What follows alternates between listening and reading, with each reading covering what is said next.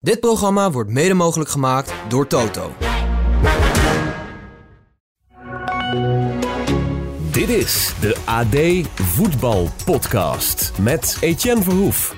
Reisbureau Oranje, de KKD en zegen of een last voor PSV. Is United nu al overgenomen?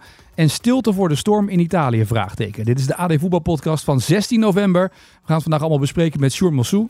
Oh Sjoerd, ik zag trouwens dit weekend biertje halen hè, bij hem. Het is politieke verkiezingstijd. Ja, Ma- Mark Rutte. Ja, bedoel tuurlijk. je toch? Ja, Ja, die komt, die komt bij onze club eh, JK een, een eh, heel populair een, een biertje tappen en een eh, koffie inschenken. Als, eh, als quasi-vrijwilliger, om, om, de- om zogenaamd de, de vrijwilligers eh, eh, in het zonnetje te zetten. Ja, dat is wel weer typisch. Maar we- weet jij trouwens, want dat is wel een grappig detail. Ehm, weet je wat de bijnaam is van JK in Breda? nee. Al sinds de jaren 60 of zo. Ehm, de bijnaam is de Sorry Boys. Oh, Dat, eh, ja, ja, want bij JK, dat, van oudsher, dat is niet echt een volksclub. Dus daar zeggen de jongens altijd netjes sorry. Ehm, daar komt het een beetje vandaan. Brave Hendrikjes. Maar ik, ik vind het wel toepasselijk dat Mark Rutte, ja. uitgerekend Mark Rutte, dan bij de Sorry Boys op pad gaat. Dat is toch een beetje onze nationale Sorry Boy natuurlijk. Als die sorry excuses... zeggen daarna weer Ja, doorgaan. precies. Nou ja, de vraag is natuurlijk of die komt. Hè? Want ik, bedoel, ik heb het even nagevraagd bij Mark of die er nou is dit weekend. Ik heb er geen herinnering aan dat ik in die maand of in die maanden geïnformeerd ben. Oh ja, dus ja, dat is natuurlijk wel de vraag of die er is natuurlijk hè. Dat is, dat is toch weer afwachten dan, lastig. Ja, het blijft toch een beetje Lastig. ingewikkeld. Maar wel leuk. Dus een uurtje tappen voor, eh, voor de vrijwilligers. Ja, ik, ik blijf er niet voor thuis, eh Etienne, eerlijk gezegd. Nee? Maar eh, nee, nee. Ik, ik- bovendien ben ik er niet, maar ik was er ook niet speciaal voor, eh, voor omgefietst. Nou, je struikelt over de gezegd. politici tegenwoordig. Iedereen wil in elk programma zitten. Maakt niet uit waar. Als je ergens wil aanschuiven. Ze staan bij ons in de podcaststudio bij het AD. Ze schuiven in elk tv-programma aan. Je hoeft, maar, je hoeft maar iets aan te zetten. En dan loopt een lijsttrekker voorbij. Nou ja, precies daarom. Nou, nou, kan, nou kan Rutte niet, niet opnieuw herkozen worden. Nee. Dat scheelt natuurlijk een hoop. Maar, eh, nou goed, eh, hij gaat zijn goddelijke gang maar bij de Sorry Boys. Ja, precies. Als die er dus is, hè? Ik kan niet een herinnering faken die ik niet heb. Nee, precies. Maar goed, eh, zorg er maar voor dat je er bent. Maar ik ben benieuwd hoe dat gaat zijn. Eh Sjoerd, eventjes naar eh, Reisbureau Oranje. Het Nederlands elftal is weer samengekomen. Dinsdag waren alle internationals daar in Zeist. Ehm, maar dat is nog een operatie als ik het zo las bij jou, hè? Hoe dat gaat ongeveer. Nou ja, operatie, kijk, het is maar net hoe je, het- hoe je dat bekijkt natuurlijk. Maar ehm dat is wel grappig. Eh, we waren een weekendje in Engeland geweest. Ehm, een beetje voor werk, ook een beetje professioneel. Eh, mijn zoon was mee en een vriend van me was mee met zijn zoontje. En, ehm, en eh, toen stapten we op het vliegtuig zondagavond. En daar, zat ook Cody Gakpo in. Nou, op zich niks wereldschokkends aan natuurlijk. Die moet ook vliegen. Maar toen vroeg ehm, Tom, de zoon van die vriend van mij, die vroeg van, goh, eh, komt dat dan vaker voor? Hè? Is dat... eh, is dat gebruikelijk dat, die, dat je zomaar een voetballer eh, in het vliegtuig eh, treft. Nou, toen, toen zat ik daar sowieso over na te denken. En, en toen dacht ik maar de, de gemiddelde lezer weet waarschijnlijk inderdaad niet precies hoe dat allemaal in zijn werk gaat. Hè? Je ziet vaak foto's van privéjets en eh, teams die dan eh, helemaal afgeschermd van de ene naar de andere wedstrijd worden gevlogen. En daarom nou ja, leek het ons wel aardig om, eh, om dat eens een keer gewoon op te schrijven van hoe dat een beetje gaat. En het komt er inderdaad op neer dat ehm, het, het lijkt allemaal heel alledaags, zo, maar, blijkbaar vonden mensen dat toch wel leuk om, om dat eens te, te lezen en te horen hoe dat, hoe dat werkt. Maar op die zondagavonden, dan moeten ze vaak naar Nederland komen. Hè, want die, meestal beginnen die inter- interlandweken op maandag. Ja. Dus dan vliegen ze meestal of op zondagavond, soms op maandagochtend heel vroeg. Want ze moeten meestal, nu was dat wat later, maar meestal moeten ze rond de middag in Zeist zijn. En soms komt het natuurlijk voor dat die wedstrijden worden natuurlijk eh, zondagavond eh, nog gespeeld. Hè? Zeker in Zuid-Europa. Die grote clubs spelen heel vaak op zondagavond. En ehm, dan moeten ze dus in- vaak in het holst van de nacht nog terug. Of heel vroeg, zonder, zonder nachtrust. Eh, de KNVB heeft een eigen reisbureau. En eh, teammanager eh, Brecht Kramer, dat is de zus van, eh, van Sven. Ja. Voor wie dat belangrijk vindt. Ehm, die, die, die regelt dat allemaal. Dus dat is een beetje de tussenpersoon. Dus die, die probeert die reizen zo samen te stellen dat ze passen in het speelschema. Als er dan nog een oma, een tante, een vriendin of een, of een kind mee moet. Dan wordt dat ook eh, allemaal bij, eh, bij de teammanager gedropt. En zo wordt het een beetje georganiseerd. Over het algemeen, ze hebben de afspraak dat die jongens, eh, die, ze krijgen een bus- business class ticket vanuit hun bestemming naar, naar Amsterdam. En als ze zelf een privéjet willen nemen, dat komt af en toe voor. ehm, dan, dan moeten ze dat uiteraard zelf betalen en zelf organiseren. En dan kunnen ze wel, formeel gezien, zo'n business cla- class ticket declareren. Oké. Dat staat dan in die contracten eh, opgenomen, maar dat doet natuurlijk helemaal niemand. Dat is natuurlijk een beetje potsierlijk als je een privéjet boekt en dan wel een bonnetje gaat vragen voor, eh, voor een ticket van een paar honderd euro. Dat je tegen de bondscoach zegt dat Thijs Dallinga binnenkomt en zegt... bondscoach, heeft u voor mij het declaratieformulier van de KNVB... eh, dat ik daar eventjes eh, de tickets kan declareren, bij wijze van spreken. Hè? Ja, precies. Maar, maar Dallinga komt natuurlijk niet met een Nee. privéjet. Maar, maar Nou ja. Memphis heeft dat af en toe wel gedaan. Eh, maar die, die, die is dan niet zo flauw dat hij dan ook zo'n ticket decla- declareert. Maar het is best wel een, ehm, een, een organisatie om dat allemaal goed te regelen. Ook omdat natuurlijk jongens vaak op het laatste moment afvallen. Omdat ze geblesseerd raken. Eh er komt er weer opeens, opeens eentje bij. Dan moet je weer een ticket vanuit, vanuit Toulouse hebben. Nou, het, is, het is op zich reisbureauwerk. Maar na afloop van die interlands, dat is ook nog wel geinig. Die clubs willen die spelers altijd meteen terug hebben. Die moeten de volgende dag eigenlijk alweer op de club zijn. Dus Ja. na die laatste interland, een dag later worden ze weer op de club verwacht. Want dan kunnen ze daar een herstel- hersteltraining doen. En op weg naar, de, naar weer de volgende wedstrijd. Want het gaat natuurlijk heel snel achter elkaar. En eh, dat is niet zo'n probleem als Nederland in Parijs speelt of zo. Of in eh, Dublin of in Londen. Dan kom je natuurlijk makkelijk terug. Ja. Maar je speelt ook wel eens uit tegen Letland of zo. Of je speelt tegen Montenegro. En ehm, dan wordt vaak iets georganiseerd. Dus dan, eh, dan, dan haalt bijvoorbeeld een, een één vliegtuig van, privévliegtuig van Manchester City, Liverpool en Manchester United, haalt een clubje spelers op. En een enkele keer komt het dan ook, ook, nog voor dat daar nog spelers van een tegenstander bij zijn. Ja. Of Mi- Milaan bijvoorbeeld, hè, is ook een, een, een bestemming. Eh Inter en AC Milan, ehm, die, die regelen dan, of die denken dan mee eh, in samenspraak met de KNVB eh, over, een, over een vlucht. Waar, en Dumfries en Reinders, dat die tegelijkertijd opgepikt kunnen worden. Ja. Dus even gewoon een voorbeeld, hè. Ehm, zodat ze op tijd terug kunnen zijn. Want anders moeten ze via Podgorica, ik noem maar wat, moeten ze eerst terug naar Schiphol. Nou, dan is maar weer de vraag of je een aansluitende vlu- vlucht hebt. Dan zit je soms een hele dag bezig om weer terug te komen in, eh, in de stad waar je naartoe moet. Dus daar is dat dan op bedacht. En die, die, die, eh, die privéjet zoals ze dat kennen uit, eh, van de allergrote der aarde, hè, de, de Ronaldo's en de Messi's. Dat komt bij Oranje wel eens voor. en is ook niet zo, maar, maar dat is echt een uitzondering. Dus, dus 9 van de 10 doen dat niet. Die gaan gewoon met een lijnvlucht. En heel af en toe, hè, soms omdat ze haast hebben en omdat er gewoon simpelweg geen lijnvlucht is, komt wel eens voor dat er een, een privévlucht vlucht wordt genomen. Maar het is natuurlijk ook zo dat, dat er echt grote sterren, en in Nederland moet je denk ik eh nou, een type als je Virgil van Dijk daartoe rekenen. Of Frenkie de Jong. Die worden natuurlijk, ja, die, dat, dat zag je bij Gakpo eh, zondag, zondag ook. En dat is dan nog een, zeg maar, ja, dat is een bekende speler. Ja. Maar dat is dan nog geen wereldster. En, en die moet bij wijze van spreken eerst met het halve vliegtuig op de foto voordat die, die überhaupt in kan stappen, weet je wel. dus moet je je voorstellen dat bij, dat, dat bij Virgil van Dijk natuurlijk nog een keer tien is. Want die is natuurlijk nog wereldberoemder. En, eh, en dan wil je natuurlijk ook niet altijd. En dat is enkele keer helemaal niet erg. En die jongens vinden dat heus niet erg om iemand op de foto te gaan. Dat moet natuurlijk niet te gek worden. Dus ik snap wel dat hij, dat is met popsterren precies hetzelfde, dat hij, eh, dat hij niet eh, de KLM City Hopper nemen, maar dat hij, dat hij gewoon een eigen vliegtuig neemt. Zou wel leuk zijn, toch? crew. Gewoon een keer dat Mick Jagger in een KLM Cityhopper zit. Ja, nou, dat soort dingen komen natuurlijk Ja, incidenteel wel eens voor. Zelfs EasyJet, want EasyJet is vaak bijvoorbeeld eh, naar Manchester bijvoorbeeld, Ja. of naar Liverpool, is vaak veel praktischer dan, dan KLM. Dus ook in dat soort vliegtuigen kun je allerlei beroemdheden treffen. Dat is ook verder niet zoveel spannend aan.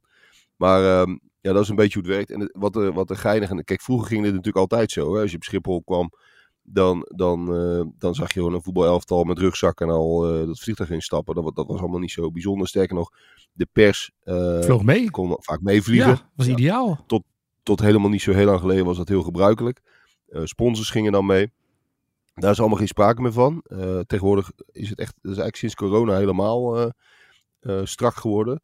Eh, alleen maar eh, spelers en staf in een vliegtuig. En wat je ook steeds vaker ziet, is dat het gewoon helemaal wordt afgeschermd. Dus dat eh, die, die teams, als Paris Saint-Germain ergens naartoe vliegt, dat die eigen ingangen en uitgangen hebben. Dat die eigen douanecontroles hebben. Zodat ze eigenlijk, ja, eigenlijk in een soort parallel universum die luchthavens in en uit gaan. Ja. En dat zie je steeds meer ook uit beveiligingsoogpunt.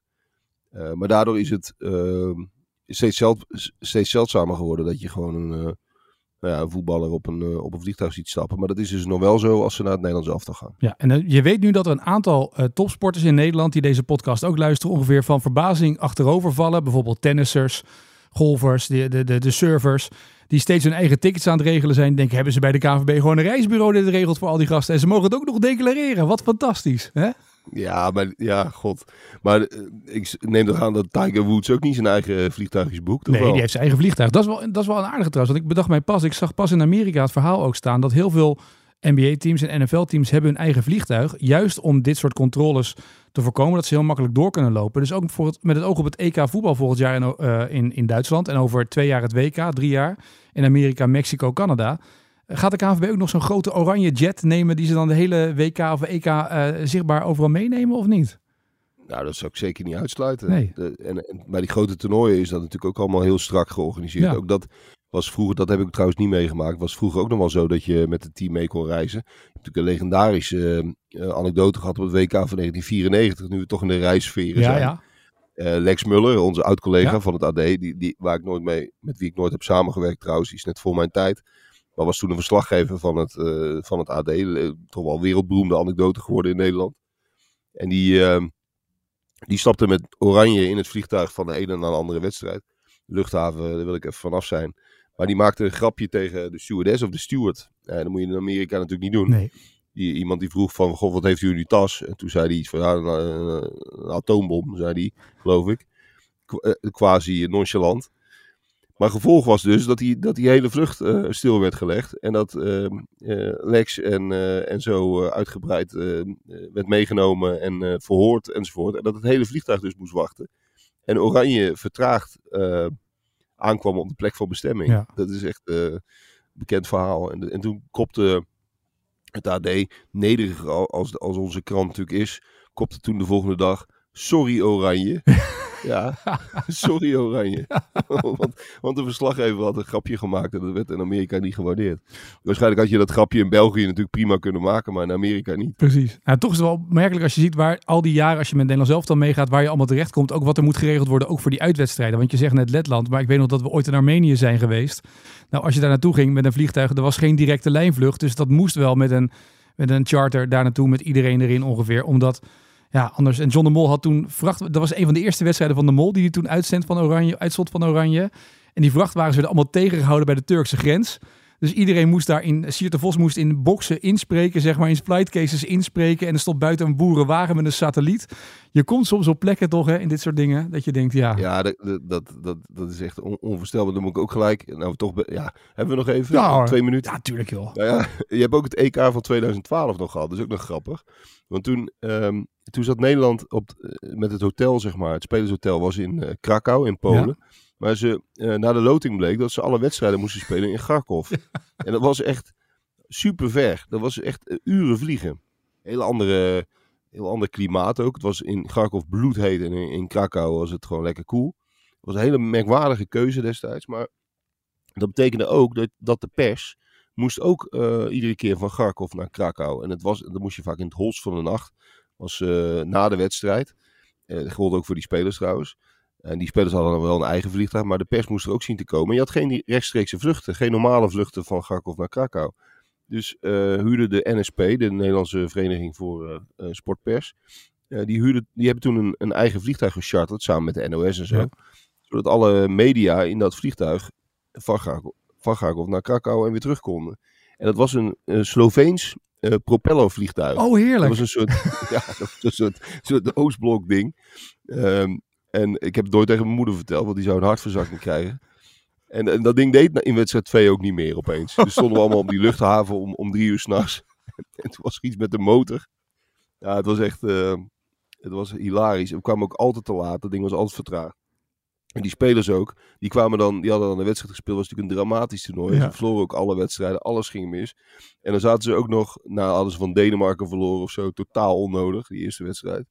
En dan zaten ze om, om en dan was de vlucht weer vertraagd. En dan zaten ze dus om half vijf ochtends in het, eh, op het vliegveld van Garkov te wachten totdat ze naar Krakau mochten. Toen kwamen ze om zes uur of zo aan, of half zeven. Ja. En dan moesten ze nog naar het hotel en dan moesten ze de volgende dag trainen. Het was, ook qua logistiek was het een echt dramatische operatie. En wij hobbelden dan met dat propellervliegtuig uit Slovenië met een paar eh, Oostblok eh, stewardessen aan boord. Vlogen wij erachteraan.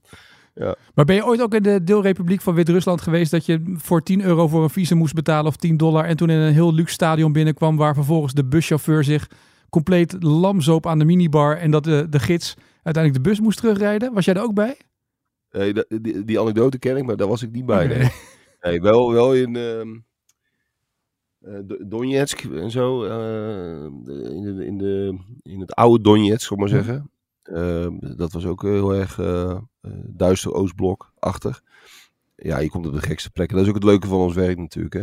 Vaak uh, levert het mooie verhalen op. Ja, zeker. Nou goed, tussen al die mooie verhalen door, even naar de actualiteit. Hè? Want ja, PSV heeft het toch zwaar. Heeft een aantal spelers die van een blessure aan het terugkomen zijn. En ja, die mogen dan niet meedoen in die KKD. Dus uh, ja, dan moet PSV weer oefenwedstrijden tegen Schalke organiseren. Nou, dat hebben ze dan gisteren gedaan. Geoefend natuurlijk. Die wedstrijd was natuurlijk live te zien ook. Dat kon je allemaal volgen bij psv.nl. Maar ja, dat is toch goed dat ze dat hebben gedaan. Want ja, anders wordt Obispo en uh, Mauro Junior nooit fit natuurlijk. Nee, en dat, dat zou ook heel slecht zijn voor het Nederlands voetbal natuurlijk. Als Obispo en Mauro Junior niet, niet, in niet zomaar mee mogen doen in de KKD, dan snijdt het de Nederlandse voetbal zich eigenlijk in de vingers. Hè? Daar, daar komt het toch een beetje op neer. Jij was, jij was er. Jij was, er, jij, was wel redelijk uh, duidelijk in je mening over de woorden van Peter Bos hè, deze week. Ja, maar kijk, ik snap vanuit het, het, het PSV-perspectief, snap ik best dat het onhandig is in dit specifieke geval. Kijk, ze hebben natuurlijk ongelooflijk veel voordeel van die, van die uh, belofte teams in de keukenkampioen-divisie. Dat is echt een privilege, ja. want uh, in alle denkbare opzichten. Um, en er zijn maar vier clubs die dat hebben. Dus, dus dan moet je, volgens mij moet je in de handen wrijven dat, uh, dat je dat hebt. Ja, en dan zit er wel eens een, een, nadeeltje aan. En dat is dan bijvoorbeeld dit. Namelijk dat je niet zomaar iedere speler uh, na een blessure uh, even een paar wedstrijdjes mee kan laten doen. Want dat zou ik te gek voor woorden zijn, maar daar komen we dan misschien zo nog op. Maar waar het me een beetje om gaat, is dat, waar ik een beetje op aansloeg, is dat, kijk, dat Peter Bos, dat zijn persoonlijke frustratie is dat hij die jongens niet kan laten meedoen. Het is blijkbaar alweer opgelost, want ze konden tegen Schalke prima uh, ja. een oefenwedstrijd spelen. Niks aan de hand zou je denken. Ja, maar, was maar goed, deze week was er ruimte in het schema. Deze week hadden ze geen Champions League natuurlijk, want anders moet Mauro natuurlijk uh, in de, de, die moet gewoon thuis blijven dan natuurlijk. Joh, dan spelen ze toch, ze hebben op de headgang allemaal prachtige velden. spelen ze 11 tegen 11 tegen Jong PSV en dan speel je ook een wedstrijd. Dus, enfin, maar dan nog, ik snap best dat hij daar vanuit zijn puur particuliere perspectief als PSV-coach dat hij dat, uh, ja, het is even lastig, hè? jammer, ja. vervelend. Uh, maar dat hij uit, uit, zijn mond kreeg en durfde te zeggen dat die keukenkampioen divisieclubs, dat die allemaal alleen maar aan zichzelf dachten. Ja. ja toen, toen verslikte ik me wel even in mijn broodje bepaal. dat, dat, dat, ik net uit de magnetron aan het halen was, uh, vrijdagmiddag. Maar de, nee, dat, dat, dat kan toch niet waar zijn. Echt serieus. Kijk, die, dat, die topclubs, en zeker die met belofte teams, die hebben allerlei privileges in het Nederlands voetbal. Mm -hmm. En deels is dat begrijpelijk en soms ook voorkomen terecht. Uh, maar dat heeft natuurlijk mede toegeleid dat je in de, in de keukenkampioen-divisie een hele rare situatie vaak hebt gehad. Ja. Uh, sowieso, dat die clubs niet kunnen promoveren en degraderen is al heel apart. Dat je op, op, op, uh, op soort bijvelden, op veredelde amateurcomplexen moet voetballen. dat is ook al merkwaardig. dat ze niet eens een aanhang hebben. Hè, want ik dacht dat je betaald voetbal speel je volgens mij voor publiek. Behalve bij deze clubs, want er komt niemand kijken. Bij uitwedstrijden natuurlijk al helemaal niet. Dus er zijn allerlei merkwaardige kanten aan. Um, en, um, um, de, de, dus, en dan heb ik nog niet eens over, over de verdeling van tv-geld en mm -hmm. al dat soort zaken. ja, en dan, dan lijkt het me nogal wiedes dat als je die keukenkampioen-divisie enigszins serieus wil nemen. En daar is alle reden toe tegenwoordig, want daar zitten gewoon uh, prima uh, clubs in. Um, en daar zitten over vijf jaar weer andere prima clubs in. Want dat is nu eenmaal hoe zeg maar, de grote middengroep zich heeft ontwikkeld. Er zijn gewoon twintig clubs die, die af en toe keukenkampioen-divisie gaan spelen. Daar kun je, kun je vergif op innemen. Dus die, die, die clubs die, die verdienen het om serieus genomen te worden. Um, die hebben een, uh, een grote aanhang. Die hebben een, een groot stadion. Die maken veel kosten. Uh, dat, dat zijn gewoon echt, dat zijn echt fatsoenlijke Nederlandse profclubs. En die, die hebben wel slecht gepresteerd of iets dergelijks. Maar dat blijven uh, clubs die je serieus moet nemen. Of het nou Cambuur is, NAC, Roda, Willem II, uh, noem ze allemaal maar op.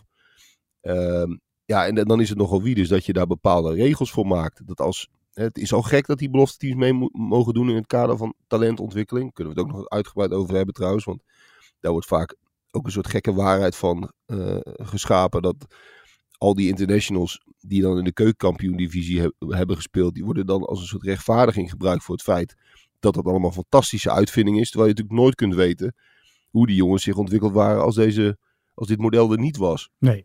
Dat is een beetje... Dat is een Master ja. Rijkaard, uh, Ruud van Nistelrooy, Jaap Stam hebben nooit... Een, uh, ja, die, uh, hoe heet het, die laatste twee toevallig omdat ze bij een andere club in de keukenkampioen-divisie speelden. Maar die hebben natuurlijk nooit in een belofte team gespeeld. Dus, dus hoe kun je nou toetsen dat dat een wezenlijk verschil heeft gemaakt? Dat is heel lastig. Frenkie de Jong, misschien was hij nog wel beter geworden eh, als hij nog een jaar langer bij- Willem II was gebleven. Of als Ajax hem aan Sparta had verhuurd of, zo. Ehm, dus dat, dat is ook nog een, ehm, even een zijpad in die, eh, in die discussie. Het is trouwens wel een interessante discussie, vind ik. Maar ehm, wat, wat Peter Bos be- be- betreft, kijk, hij moet natuurlijk gewoon accepteren dat als je al zoveel voorrechten hebt als PSV-coach en zoveel mogelijkheden hebt als club om talent eh, in eigen huis te houden, eh, zelf op te leiden en door te verkopen. Eh, terwijl Feyenoord dat bijvoorbeeld niet heeft. Ja. Ironisch genoeg hebben die meer zelf opgeleide spelers in het eerste elftal staan dan PSV. En nog een interessante these, hè, Ja. want is het dan Deze is inderdaad zelf opgeleid, dat klopt. Dat, heb je gelijk in, ja. Ja, Maar, maar die, die, die, als je die clubs naast elkaar gaat leggen, dan kun je ook afvragen van ja, is het nou zoveel beter om een belofte team te hebben? Of kun je ze misschien toch beter naar Dordrecht of Excelsior sturen? Ik denk dat dat per geval ook zal verschillen. Voor de ene speler eh, is de ene beter, Ja. de andere het, eh, het andere. Maar ehm, het, het is in ieder geval totale onzin dat ehm, die keukenkampioen-divisieclubs alleen maar aan zichzelf denken. Dat, daar spreekt ook een zeker Didin uit. Dat is belachelijk. Je wil gewoon een normale competitie met een enigszins vergelijkbaar gelijk speelveld. Dat is alles. En dat is, als je dat niet, niet zou doen, ja, dan, dan, dan zet je alles bij het grofvuil als het om competitie gaat. Maar zou je, niet Zou kunnen zeggen, zijn? zou je niet kunnen zeggen dat bijvoorbeeld eh, dat je wat Bos heeft over een dispensatieregel. Ik snap dat je niet 30 wedstrijden, wat in het begin ook een beetje nog wel kon. Hè, dat, dat Ajax bijvoorbeeld, Jong Ajax met een heel eh, goed elftal speelde en de andere week weer niet. Maar je zou natuurlijk wel kunnen zeggen dat je één of twee jongens die langdurig geblesseerd zijn, stel langer dan een half jaar eruit, dat je die één of twee wedstrijden mee kan laten doen in de KKD, toch? Is ook niet slecht voor de, Ja, maar- voor de maar dat- KKD. Nee, maar dat, dat, dat, ik ben daar ook heus niet pertinent op tegen. Van, van mij mogen ze iedere denkbare eh, regel maken. Het gaat me meer om de algemene teneur. Ja. Dat, dat, dat, dat PSV hier benadeeld wordt. Wat een, wat een onzin zeg.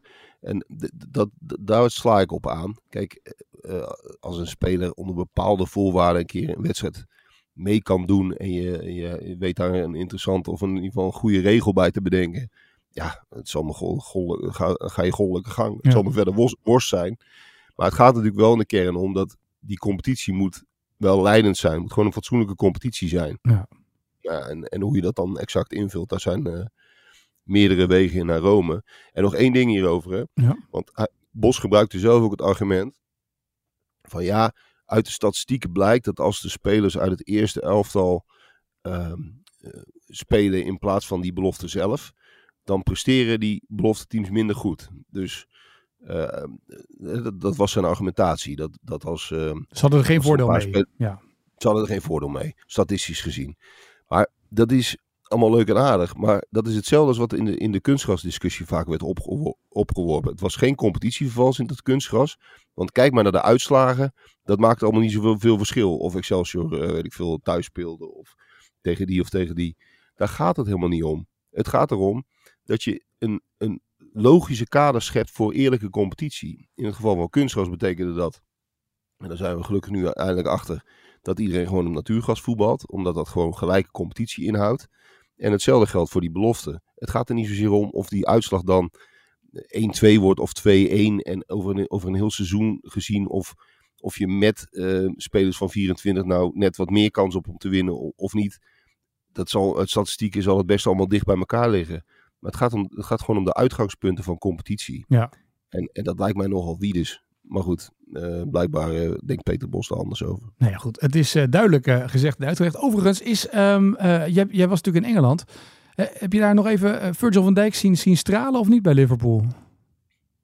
Ja, ja die, nou ja, dat was wel geinig. Kijk, ehm, ik sprak hem vanmiddag ook nog even in Zeist eh, bij, eh, bij Oranje. En we waren zondag inderdaad bij, eh, bij die wedstrijd van Liverpool. En hij was, ik bedoel, kijk wel vaker Premier League, dus het was ook niet helemaal nieuw of zo. Maar hij was echt geweldig. Hij was echt Ja, voortreffelijk. Ja, het en- overal terug in alle, in alle verhalen over Liverpool. Dat hij weer helemaal terug is centraal achterin. Duidelijkheid.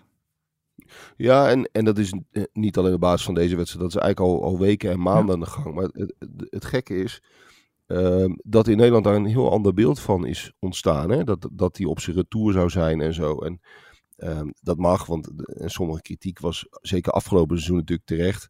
Eh, Van Basten heeft daar, eh, daar een, ehm, een bijdrage aan geleverd door heel kritisch over hem te zijn. Wat ook mag bij zo'n grote speler. Daar is niks mis mee. Maar het beeld dat hij op zijn retour is, is op basis van dit seizoen echt totaal absurd. Want Hij heeft een rode kaart gepakt tegen Newcastle United. Dat was in het begin van het seizoen. En dat was, eh, dat was niet best, uiteraard. Daarmee begon die moeizaam aan het seizoen. Maar qua spelniveau is hij gewoon top in de Premier League. Hij is aanvoerder van Liverpool. Uh, uit alle statistieken blijkt dat ook. Hè? Ja. Je hebt van die uh, statistieke uh, bedrijven die dat allemaal bijhouden. En daar staat, daarin staat hij werkelijk overal bovenaan. Als het gaat om niet voorbij gedribbeld worden. Als het gaat om gewonnen kopduels, noem maar op. Daarin is hij eigenlijk de beste centrumverdediger van de Premier League. Ja.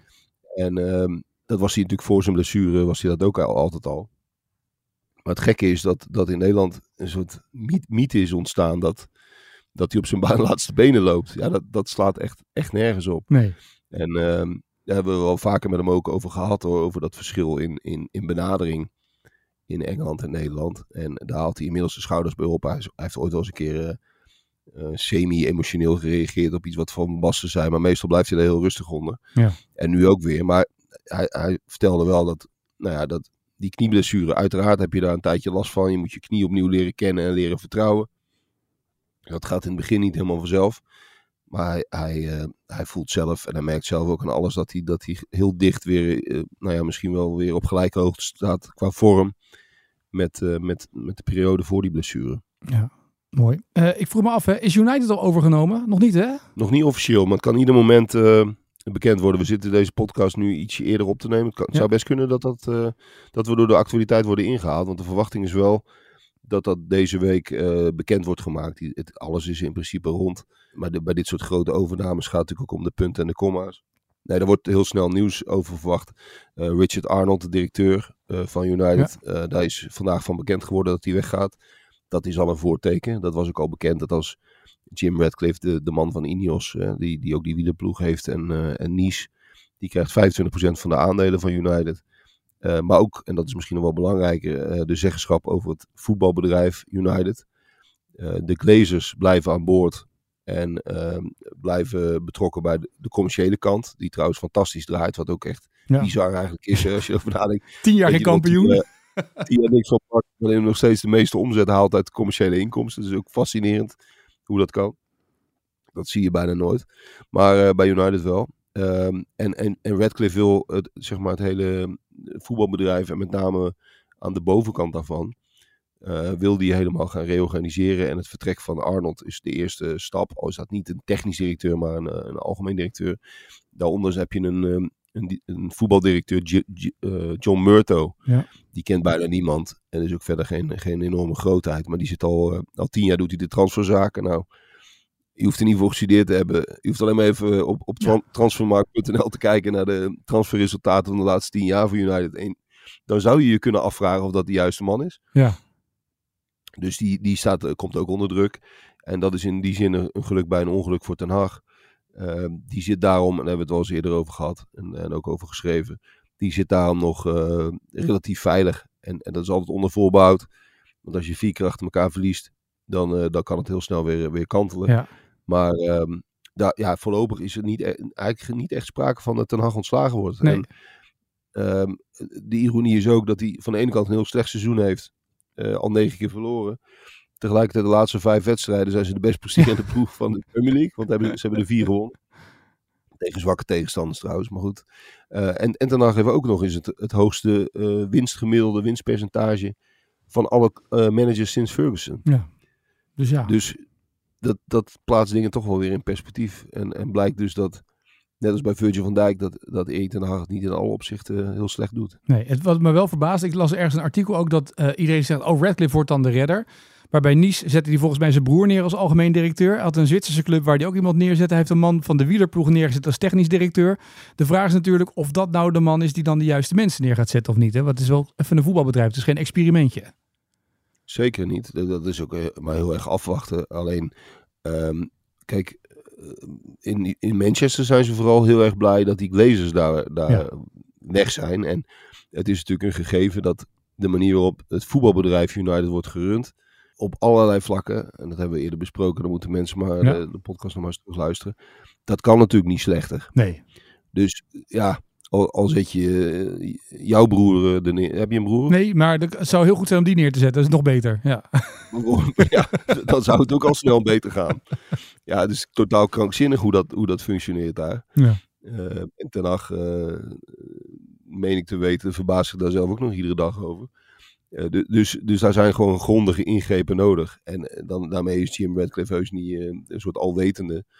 Maar die zal in ieder geval verstandiger dingen doen. En die heeft ook de mogelijkheid nu, al- als een soort nieuwe start, om daar nu eindelijk eens een keer grondig in te grijpen. Door Ja. te zorgen dat er niet eh, 82 eh, scouts zijn en daar weer 100, 162 eh, assistenten van. eh, 72 directeuren en daar weer allerlei filiaalchefs onder. Dat je gewoon eens zegt van, weet je wat, we, we gooien er even een paar uit en dan gaan we weer even wat logische dingen doen. Ja.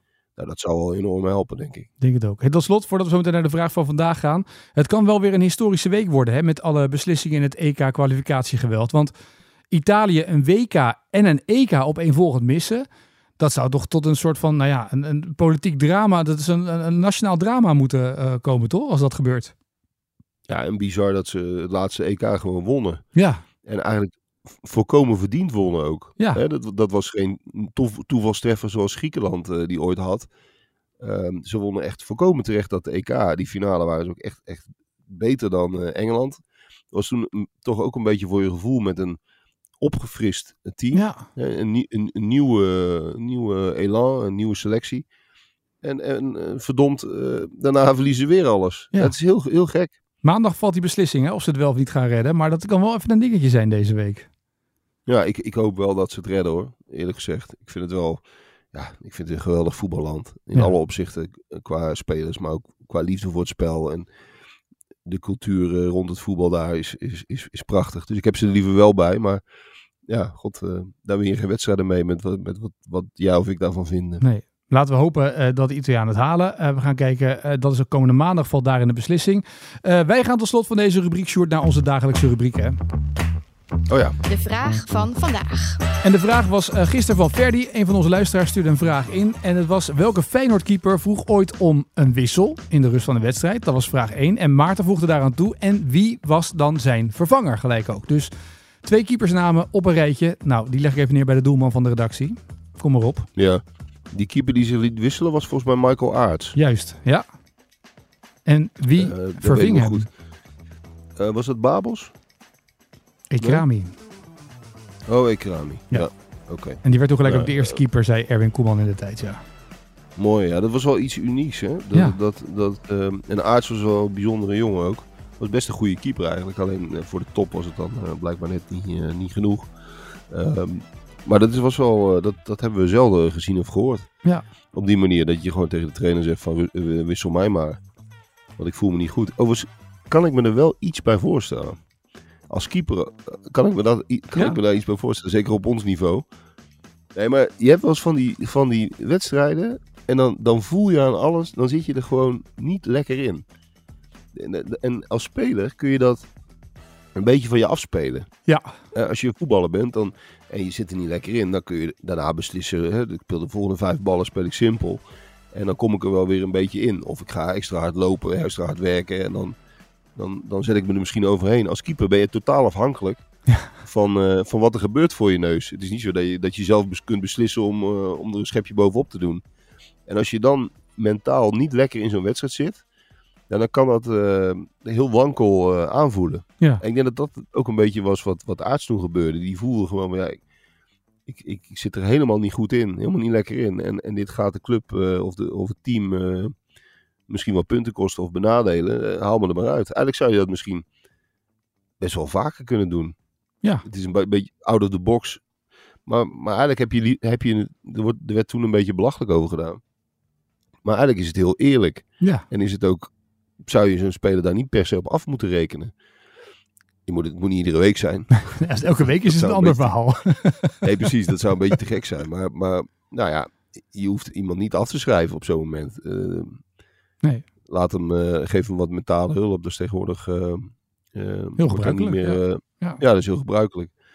Dus ja, nou, het was een bijzonder moment inderdaad. Zeker. Stefan Den Hartog heeft uh, de eervolle vermelding te pakken. Uh, doen we bewust. Het was eigenlijk de vraag bijna. Hadden we bedacht voor de gin tonic. Voor de gin die we weggeven. Gin pakket van Van Linschoten deze week. Maar ja, we hebben een storing op Spotify. Dus niet iedereen kan meedoen. Dus deze vraag van jou, Sjoerd, wordt wel de award-winning vraag. Dus als je meedoet, maak je kans op het Van Linschoten pakket. Ja, ik, ik heb wel, wel een, een, een aardige. Zondag waren we bij, uh, bij Enfield sowieso altijd een feest om daar te zijn. En niet alleen om het stadion zelf, maar ook een beetje om de buurt daaromheen. En wat een van de de gave dingen is daar, is dat, dat alles is bijna Liverpool, de club, uh, gerelateerd. En je hebt daar ontzettend veel muurschilderingen. Van Trent Alexander-Arnold heeft een eigen muurschildering, dat is een local boy. Uh, Ian Rush heeft daar een prachtige, op de zijkant van een pand, uh, een prachtige portret. Dus er zijn er vrij veel in de directe omgeving van het stadion. Maar er is ook één keeper bij. Met een eigen muurschildering. Beroemde Liverpool keeper. Mm -hmm. En de vraag is natuurlijk, over welke keeper hebben we het nu? En om het even iets specifieker te maken, want het zou natuurlijk kunnen dat er nog ergens een andere Liverpool keeper is op, op een verdwaald bushokje. ja, dat kan. Ja. Nee, dit is heel dicht bij het uh, stadion. Uh, om specifiek te zijn, vlakbij een pompstation. En hij draagt, en daar is hij ook een beetje bekend om geworden, altijd een groen shirt. Nou, mocht je het weten, laat het vooral weten uh, via uh, X met de hashtag AD Voetbalpodcast of door mij via Instagram een berichtje te sturen met de oplossing op deze vraag van Sjoerd. Uh, en dan ding je dus mee naar het Verlinschoten pakket. De winnaar morgen krijgt dus niet alleen de eervolle vermelding, maar ook het pakket toegezonden. Dus er staat wat op het spel vandaag. En vanaf nou ja, deze week vaker prijzen in de vraag van vandaag. vanaf volgende week gaan we ook waardebonnen weggeven. Daarvoor kortingscodes voor checks voor voetbalshop, heb ik vandaag gehoord. Dus dat gaat goed komen vanaf volgende week. Dus dat is wel aardig, toch? Doe maar. Ja, en uh, even kijken hoor, de vraag ging over de keeper. Ik heb hier nog één iemand die alvast een, een ingezonde berichtje heeft gestuurd, een voice appje. Ik heb er geen herinnering aan dat ik in die maand of in die maanden geïnformeerd ben. Nee, oké, okay, nou goed, en jij dan niet. Maar kijken of de rest het wel heeft. Weer veel plezier deze week bij JK Sjoerd. Ik spreek jou na de wedstrijd van het Nederlands elftal. Hè? Zeker. Ja. En, uh, en, daarom kan ik helaas niet bij uh, Mark Rutte zijn show zijn in de kantine. Oh, dat is, is dat zo laat joh, die show van Rutte? Ja, die zondag. En ik, ik ja. vlieg zondag naar uh, Tuurlijk, ja. richting, uh, Portugal. Portugal. Ja, ja. potsidori zeg. Ja, dat is toch jammer. Nou, voor iedereen die wel een biertje gaat halen, veel plezier bij Mark. Uh, Sjoerd, dank voor vandaag. Ik spreek je na de wedstrijd van het Nederlands elftal. En tot dan en een mooie dag. Yes. Dit programma werd mede mogelijk gemaakt door Toto.